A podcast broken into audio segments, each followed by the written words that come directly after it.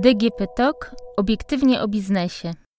Kasy fiskalne online co warto wiedzieć? Od 1 maja tego roku obowiązują przepisy dotyczące kas fiskalnych online. Dzięki takim kasom fiskus na bieżąco dostaje informacje o wbijanych na nie transakcjach. To pomaga mu w walce o wpływy podatkowe. Wokół nowych przepisów dotyczących kas narosły mity. Ale zanim do nich przejdę, przypomnę, że docelowo kasy online będą stosować wszyscy przedsiębiorcy, którzy mają obowiązek rejestracji sprzedaży towarów i usług indywidualnym klientom. Oczywiście nie stanie się to z dnia na dzień. Część firm będzie musiała wymienić kasy fiskalne na działające online, bo zmuszą je do tego przepisy. Zawierają one dokładny harmonogram wymiany kas dla firm z branż najbardziej narażonych na wyłudzenia podatków. Na przykład od 1 stycznia 2020 roku kasy fiskalne online będą musieli stosować mechanicy i stacje benzynowe.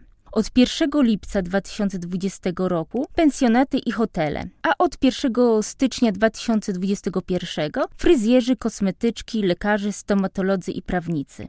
Przedsiębiorcy, którzy nie pojawili się w ustawowym harmonogramie, będą wymieniać kasy stopniowo, na przykład wtedy, gdy dotychczasowe kasy się zniszczą.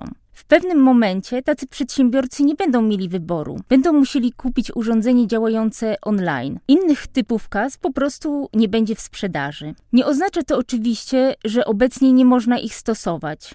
Myślę o kasach z papierowym i elektronicznym zapisem kopii. I tu właśnie pojawia się pierwszy mit. W internecie pojawiła się informacja, że kas z papierowym zapisem kopii nie można już używać. Nie jest to prawda. Od 1 września tego roku nie można kupić już takiej kasy. Co więcej, jeżeli zużyje się w niej pamięć, nie można jej wymienić, ale używać jak najbardziej można. Nadal też można kupić kasy z elektronicznym zapisem kopii. Zakaz sprzedaży takich urządzeń będzie obowiązywał dopiero od 2023 roku.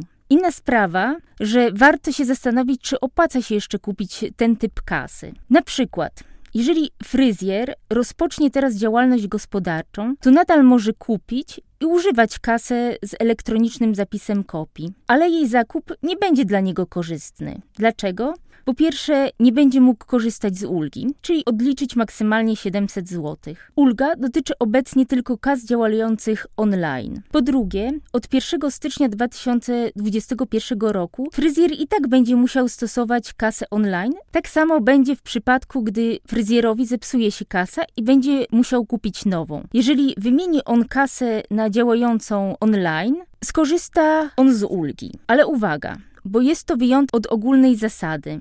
Tak jak do tej pory, ulga dotyczy podatników rozpoczynających ewidencję. W zasadzie więc wymiana kas na nowy typ nie podlega tej preferencji. Wyjątek dotyczy jednak przedsiębiorców, którym ustawodawca nakazał wymianę kas na nowy typ, czyli online, według harmonogramu, o którym już wspomniałam na przykład dla mechaników, pensjonatów, fryzjerów. Co więcej, ci przedsiębiorcy mogą wymienić kasy wcześniej niż y, są do tego zmuszeni i też będą mogli odzyskać 700 zł na każde urządzenie i to od razu. Przykładowo, jeżeli fryzjer zacznie stosować kasę online w styczniu 2020 roku, to w rozliczeniu za ten miesiąc będzie mógł odliczyć ulgę, mimo że obowiązek stosowania kas będzie miał od 2021 roku. Potwierdził to minister finansów w wydanych objaśnieniach. Zastosowanie się do nich chroni podatnika, czyli za działanie zgodnie z objaśnieniami nie można go ukarać. Nowością jest natomiast to,